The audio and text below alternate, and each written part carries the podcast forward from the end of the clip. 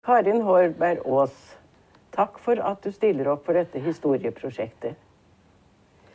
Sammen med Elly Ingnes ga du i 1984 ut boka 'Seksuelle overgrep mot barn' på Universitetsforlaget.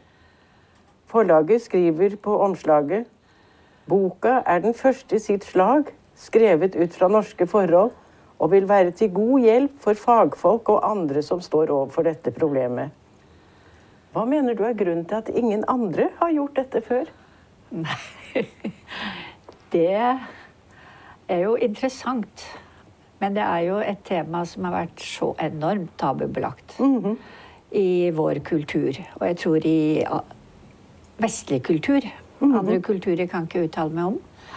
Men det har vært tabubelagt, og såpass at jeg hadde ingenting om det undervisningen når jeg skulle bli sosialarbeider. Eh, jeg har jobba i barne- og ungdomspsykiatrien med leger, psykologer, pedagoger. De hadde heller ikke noe om det i sin undervisning. Så det var et uh, tema som ikke ble snakket om mm. høyt i det hele tatt. Uh, så derfor så hadde jo heller ikke vært skrevet noe om det. Og det Hvorfor jeg dumpa borti det, i gåseøyne, er jo fordi jeg plutselig satt som behandler i barne- og ungdomspsykiatrien for en familie hvor jenta på ja, 13-14 år ble seksuelt misbrukt av sin far. Mm -hmm. uh, og det, de, den familien kom jo til Nordbyhagen poliklinikk pga. at jenta hadde store problemer. Psykosomatiske, vondter her og der. Hadde så å si slutta å gå på skolen pga. plager. Var ensom. Eh, Snakka også om å ta livet sitt. Så det var alvorlige problemer. Og de ble vel tatt imot av en eh, psykolog, erfaren psykolog. Og det kom tidlig frem at dette dreide seg om seksuelt misbruk. Og mora fortalte da at hun hadde hatt et oppgjør med far, og han hadde lovt ikke å gjøre det mer. Og det trodde jo da behandlere på. Og jeg var da den som overtok eh, behandlingen sammen med en lege i utdanningsstilling. Eh, som var Eli, som jeg skrev bok sammen med. Eh, og vi begynte behandlingen sånn som vi var. Jeg jobba med foreldrene, hun med jenta, og vi hadde også familiesamtaler. Tre kvart år. Ingen bedring. Jenta sa nesten ingenting i terapi. Plutselig en dag hos meg så sier mor at nå får du fortelle hva som har skjedd. Hvis ikke, så gjør jeg det. Og da kom jo historien at far hadde jo fortsatt dette misbruket hele veien. Under behandling. Mens de gikk i behandling. Og det var et sjokk for oss. Virkelig. Vi, vi syntes det var veldig vondt å høre. Fordi vi skjønte jo at det var en sammenheng mellom jentas problemer og dette problemet i familien.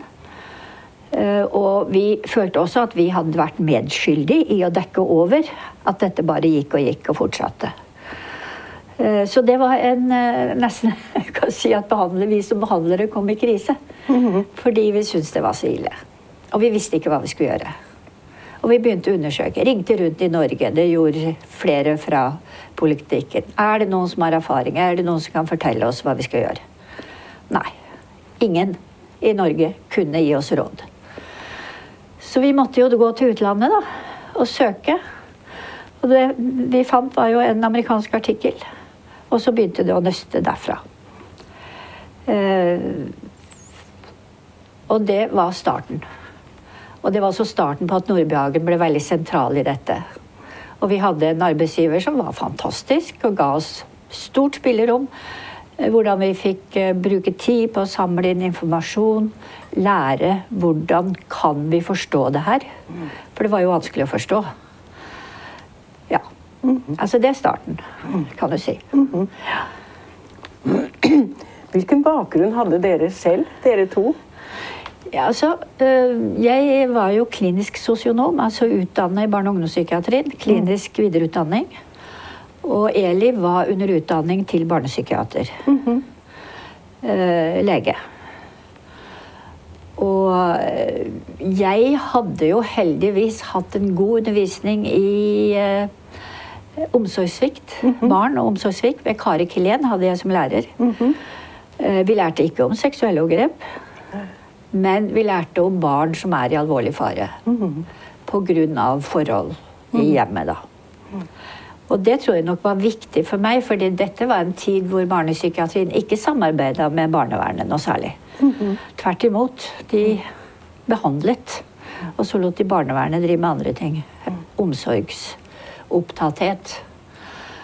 Og eh, jeg tror vel min bakgrunn var nok med på å gjøre at vi tenkte at her må vi involvere barnevernet. Så vi gjorde det, da.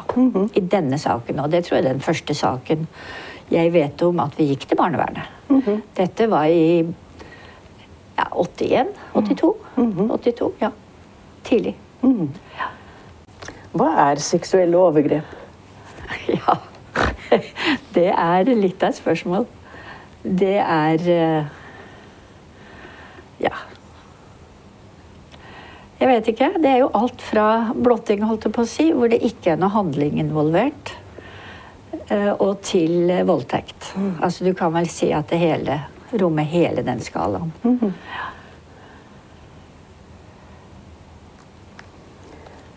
Hva ser dere etter for å finne ut om det er overgrep?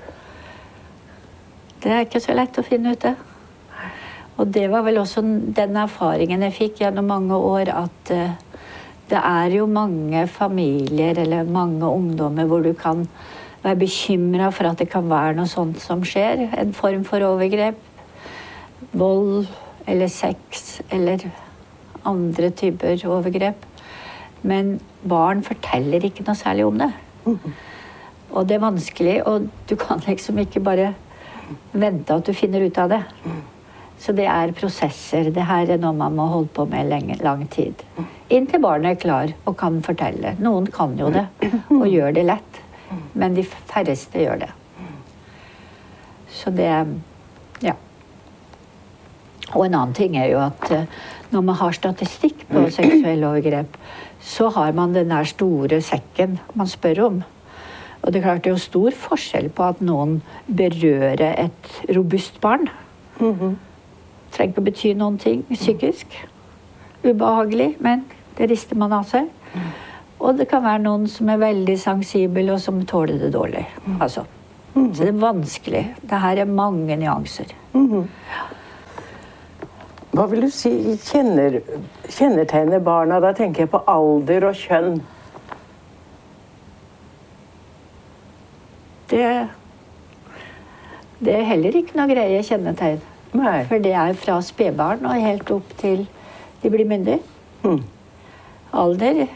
Og det er nesten likt fordelt mellom gutter og jenter. Altså det er flere jenter, men det er også en del gutter som blir eh, utsatt for seksuelle overgrep eller berøringer som kan bli problematisk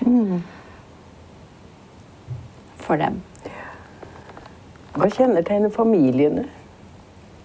Vi trodde at det var veldig tydelige kjennetegn i starten. Fordi den vi fikk, den familien vi jobba med, som gjorde at vi ble opptatt av dette, hadde liksom alle kjennetegn på en typisk, i gåseøyne, incestfamilie. Men har, etter hvert som jeg har fått mye erfaring, så snakker jeg ikke så mye om typiske familier. Nei. Jeg syns det er vanskelig. For det er så variabelt.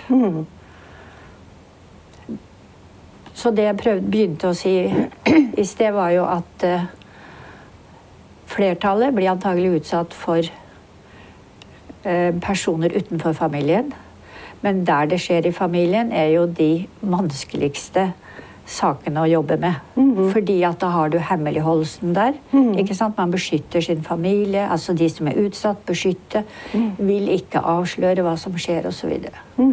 Derfor er det spesielt komplisert å jobbe med.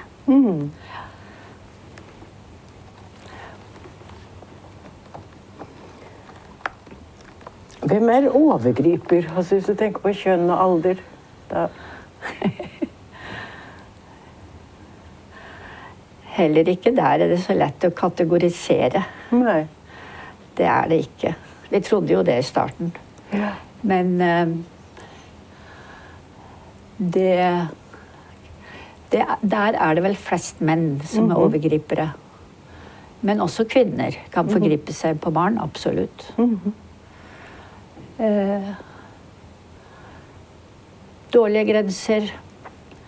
Vi tenkte, snakka jo en del om at eh, de som forgriper seg, har selv hatt en vanskelig oppvekst. Ja, kanskje. Ja. Nei, men i det hele tatt sånn kategorisering har jeg Det er forbi den fasen, for å si det sånn. Ja. Hvilke skader kan overgrep få for barnet?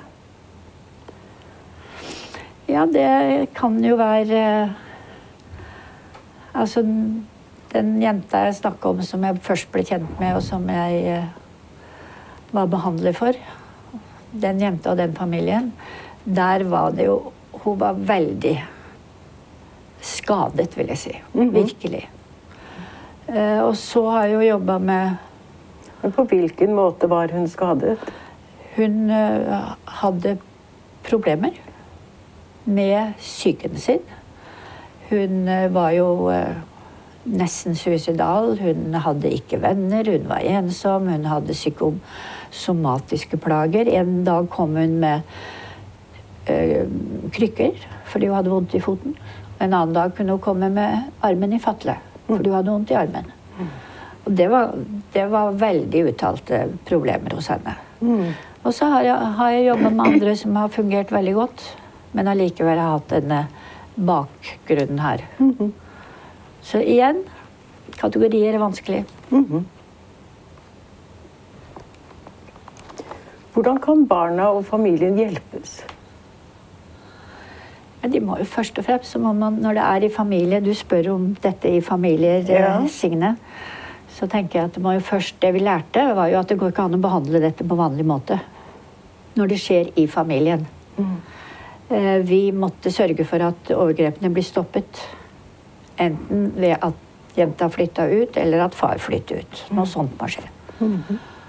Eh, Nå har jo det her behandlingstenkningen i Norge vært veldig opptatt av at eh, straff Ikke sant? Far skal straffes, og de andre skal få behandling. Men eh, samtidig så er det jo en del utenlandske eh, team, da. Behandlingsteam som er veldig klar på at man må tenke hele familien. Altså familiebehandling. Eh, og, men det betyr ikke at ikke man tenker straff. Og det er vel en eh, grunn til at man tenker straff, er vel samfunnets måte å prøve å regulere dette på, så barn ikke blir utsatt. Men eh, det er også et problematisk tema.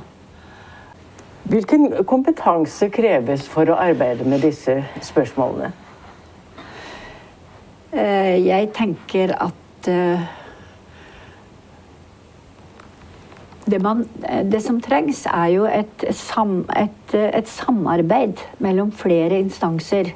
Og hvis vi holder oss til det som du nå har spurt om, dette med familier, så trengs det barnevernet. Så tenker omsorgsbiten. omsorgsbiten. Det trengs familiebehandling. Da barne- og ungdomspsykiatrien, vil jeg si. Fordi at dette er barn som er hovedklienten. Og så eh, er det kanskje PP-kontoret i kommunen der hvor det er hvilke ressurser som er der. Og så er det politiet. For det er jo straffbart. Og man kommer ikke unna at det er straffbart. Eh, En annen ting er hvordan man vurderer hva man gjør i forhold til en 15-åring som ikke vil at far skal anvendes. En helt annen sak. Eh, Som jeg tenker man må tenke individuelt på. Men grovt så er det politiet også. Det betyr at politi og leger Legeundersøkelse der hvor man er usikker på om barnet er skada. For det kan jo også skje. Uhyre sjelden det skjer. Og uhyre sjelden leger kan si noe om et barn har vært utsatt for overgrep eller ikke, fordi at det ikke er synlig. Man vet mye mer om det nå enn da vi begynte i 80-åra. Da trodde vi at legene kunne være med å verifisere. eh, overgrep eller ikke. Det har vi slutta helt med å tenke. Eh, sånn at du på en måte, Når du spør hva slags kompetanse, så det, trenger du kompetanse på flere felt. Mm -hmm.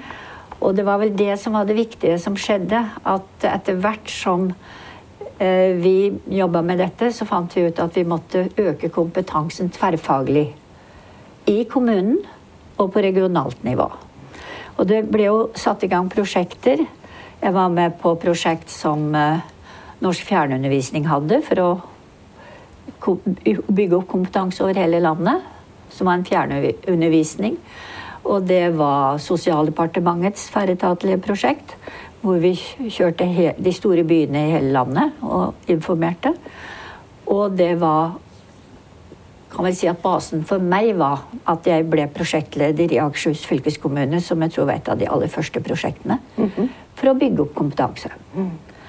Og hvor vi da hadde jevnlige seminarer, tverrfaglige seminarer hvor politi var, hvor eh, psykologisk hjelpetjeneste i kommunen var, hvor barnevernet var, eh, og hvor eh, også leger var med. Det var et prosjekt som jeg var prosjektleder for i tre og et halvt år i Akershus fylke, hvor vi etablerte regionale team med eksperter og kommunale team i 22 kommuner i Akershus. Mm. Og hvor kommunene skulle jobbe sammen, komme sammen og jobbe når de fikk mistanke eller det ble en sak. Og hvor de kunne bruke det regionale teamet hvor ekspertene satt. Mm. Leger, politi fra eh, politikammeret osv. Så mm. Sånn at det var en stor oppbygging, særlig i Akershus, Oslo og Kristiansand. Men også forsøk rundt om i Norge ellers. Så jeg ble jo en sånn reisende seminardist. Seminar. Seminarist. Så jeg altså, drev mm. seminarer fra Lindesnes i sør og til Kristiansand Nei, til mm. Kirkenes i nord. Jeg fikk jo sett Norge. Det var ikke verst. Så det dere utviklet der på Nordbyhagen, ja det ble, det ble, et landsdekkende prosjekt etter hvert, da? Altså, det var jo ikke bare der det var prosjekt, men altså, vi var jo med og drev frem denne kunnskapen. Og vi brukte da David Finkelhøy fra Amerika og til og med Furnace fra England, så vi hadde ganske mm. sånne tungvektere som kom og holdt seminar hos oss. Mm. Og dette fungerer fortsatt? Det vet jeg ikke. Nei. Uh, hvor godt det fungerer. Men det, alt som har med prosjektet å gjøre, har jo en tendens til å ikke være like fint etter det avslutta. Det var mm. tre år, og det var en oppbyggingsfase. Og jeg vet jo ikke om det fungerer godt nå. Kanskje i noen kommuner, neppe i alle kommuner. Mm. Men det som skjedde, var jo at man fikk mer kunnskap. Og fikk, noe av det viktige var jo å få kunnskap om hverandre. Mm. At barnevernet vet hvordan politiet jobber, politiet vet hvordan barnevernet jobber osv. Mm. Og hva kan man forvente av en legeundersøkelse? Og når er det viktig å ha en legeundersøkelse? Er det viktig, er det ikke viktig? Mm. Og det, det, det falt jo sammen, hele eh, tanken om seksuelle overgrep og betydningen av å, det i 1992. Jeg vet ikke om du husker. 1992 så kom Bjugn-saken. En meget berømt sak hvor det ble mistanke om at det var 50 barn som var misbrukt i en barnehage. Det ble en stor sak og som falt sammen? Kjempesak som falt sammen, og hvor eh, det ikke, ikke var så eh, mange som hadde vært misbrukt som man trodde. Mm -hmm. Og det førte til at behandlerne ble de som ble skyldige. Mm -hmm. Og at eh, fagfolk bare opp, fant opp dette det var et backlash. Et skikkelig backlash. Det kom i flere land. Etter at vi hadde da jobba i en tiårstid for å få dette opp og stå, så kom det et backlash. Så jeg fulgte ikke med riktig hva som skjedde etter det, fordi at da begynte jeg på sosionomutdanningen. På Som lærer? Som lærer, ja. Mm. Så het det Høgskolen. Nei, var ikke Oslo OsloMet i hvert fall den gangen. Nei, det, det spiller ingen rolle. Da var det Norges kommunale sosiale høgskole. Ja, det var vel der og så ble det Høgskolen i Oslo, og nå er det Oslo, det Oslo Met. Ja. ja da. Så, um, men, men, jeg tror jo det som har skjedd, er jo at det er en helt annen kunnskap Og kompetanseforståelse. Forståelse av hva som trengs i hjelpeapparatet i dag. For nå er det jo tatt inn i undervisningen. Noe, i hvert fall. Eh, så Og anerkjent som et problem. som et problem på linje med vold og omsorgssvikt. Det er det. Vet man noe om omfanget i dag? Altså, det er stabilt fra hva det var i starten. Det er uh, Men altså, jeg er ikke så glad i å snakke om det heller, jeg, fordi Nei. at uh, NOVA-undersøkelse, hvor elever i avgangsklasser i videregående skole deltok, svarte 15% av jentene og 7% av guttene at jeg hadde vært utsatt for grove seksuelle krenkelser. Inkludert voldtekt. Og det er ganske mye. Ja visst. For det grove, det er ikke de her ta på ryggen, seksuelle signalene. Det er mye mer enn det. Så det er en del. Er det spørsmål eller temaer som vi ikke har berørt, som du syns er viktig?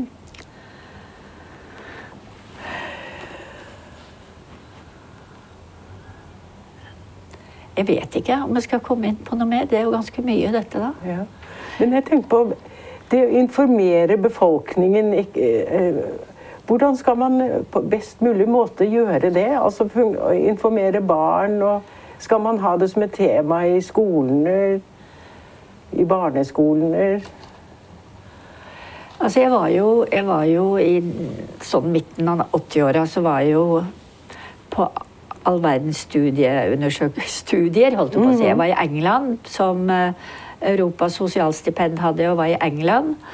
Og jeg husker at det de var opptatt av der, var jo å undervise, ha det med i undervisningen. At barn måtte være obs på eh, voksne som da var veldig interessert i dem seksuelt. Eh, og at det var noe de kunne si nei til. Eh, men jeg har ikke opplevd at det er noe videreført noe mye. Jeg tror vel at det viktigste er at det er åpenhet om det i samfunnet. Men det er klart det kan jo tas opp for, eh, i forhold til barn, da. Men tenker du åpenhet, da? At det blir snakket om det? Ja. Skrevet om det? Ja, at det lever For dette gjelder jo like mye voksne være oppmerksom Ja. på det, Ja. uavhengig om det er familie eller ikke, Ja. å kunne se Ja. eh, ting. Ja, ja. da vil jeg si tusen takk jeg, Ja. for at du stilte opp. Takk selv, Signe.